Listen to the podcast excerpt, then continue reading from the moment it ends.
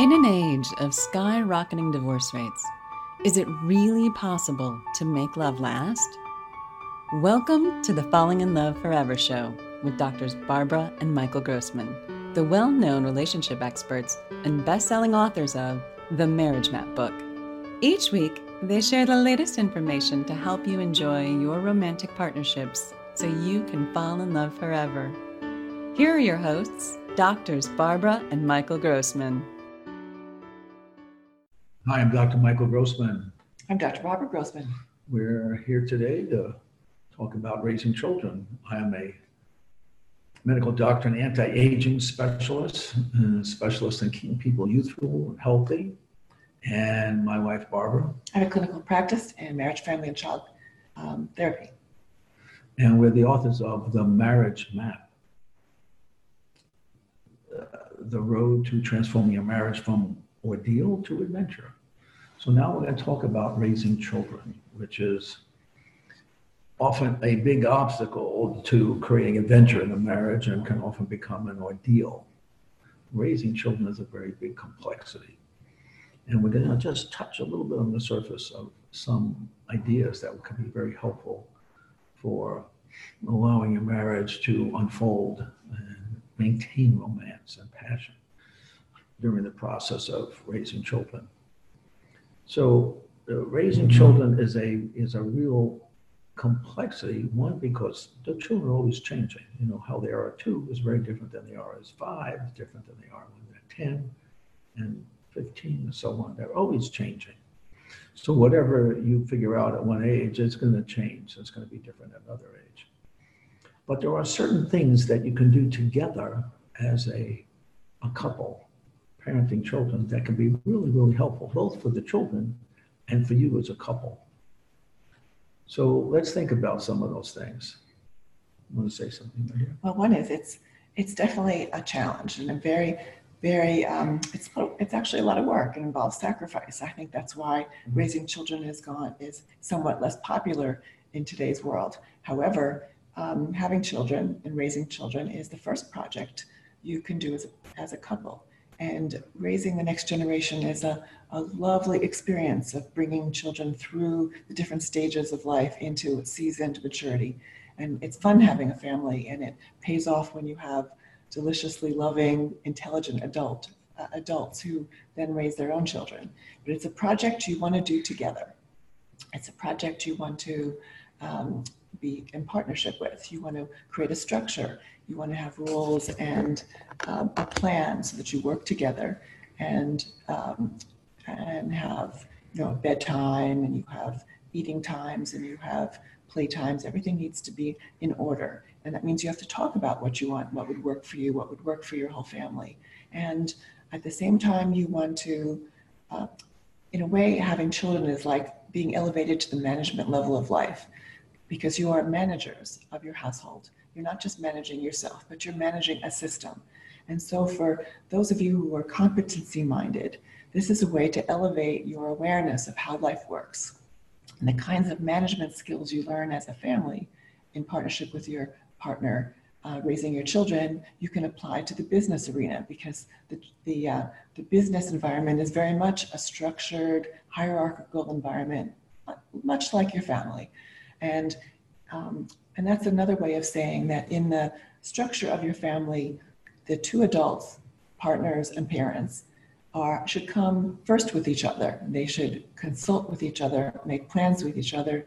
Um, you don't make plans with your children, you make plans with your partner, and you administer those plans and policies with the children. And that way, you keep your first primary commitment is to your partner, and you raise your children together and the children know that they can't divide mom and dad. They they have to honor the rules. There's no way around the rules. They know that they have to um, do they have to take responsibility and comply with the rules. This is important for your children's growth and development, and it's it's important for your your own connection as partners. Now, one thing that we need to be aware of is that in doing the things that Dr. Barbara just described, critical is to do them really well before the age of four. That is absolutely essential because before the age of four, the kids don't really remember hardly anything. And if you structure the rules and you structure the behaviors that are required by the children, then then it's it's all downhill. It's all easy. They know these are the rules and they just follow them. But they, you know, will rebel against them as a two-year-old. But you just train them, and as a two-year-old, you can be very firm, and they just, you know, complain, but they understand the rules. Then, as they get older, they know that these are the rules, and mom and dad are in charge, and I, you know, you don't always like it, but that's the way it is. So, what's an example of a rule?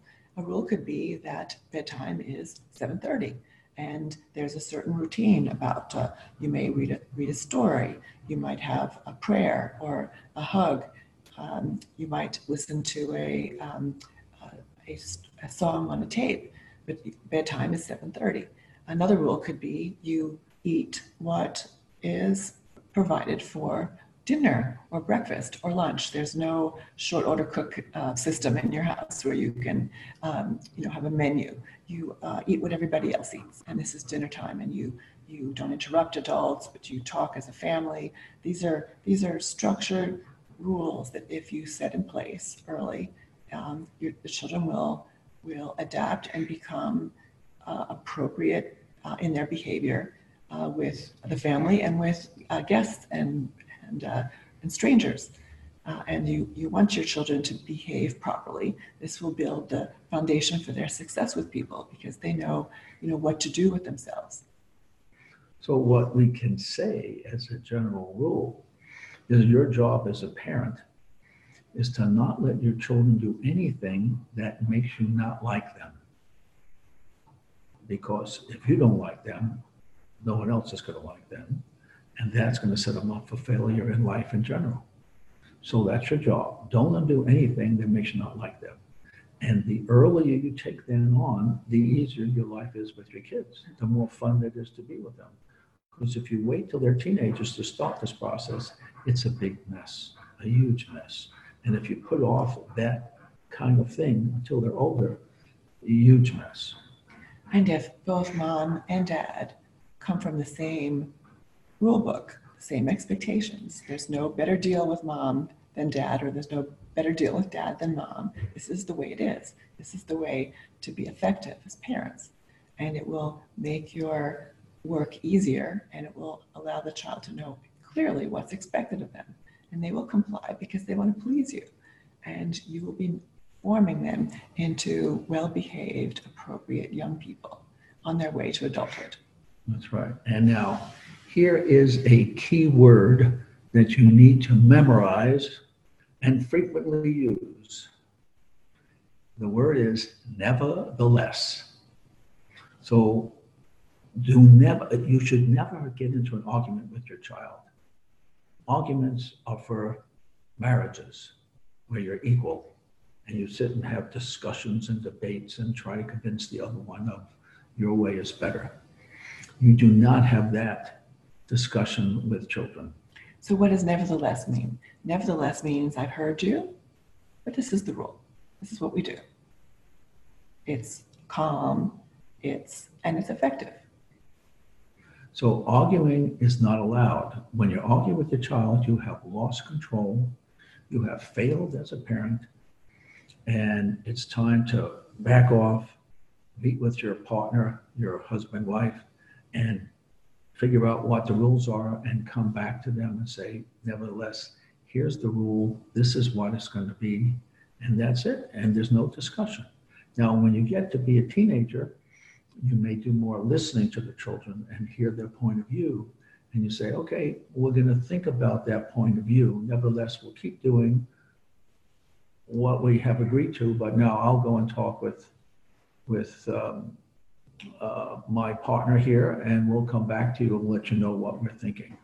And so you can do that. And you will have to change the rules and have to change agreements uh, as the children get older.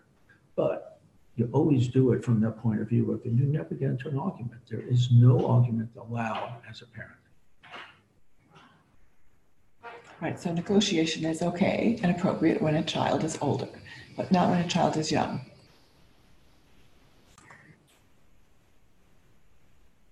So, practicing these principles is so important because it allows the couple to stay romantically in love and evolve, where they can, the couple can think about things, make decisions together, be parents together.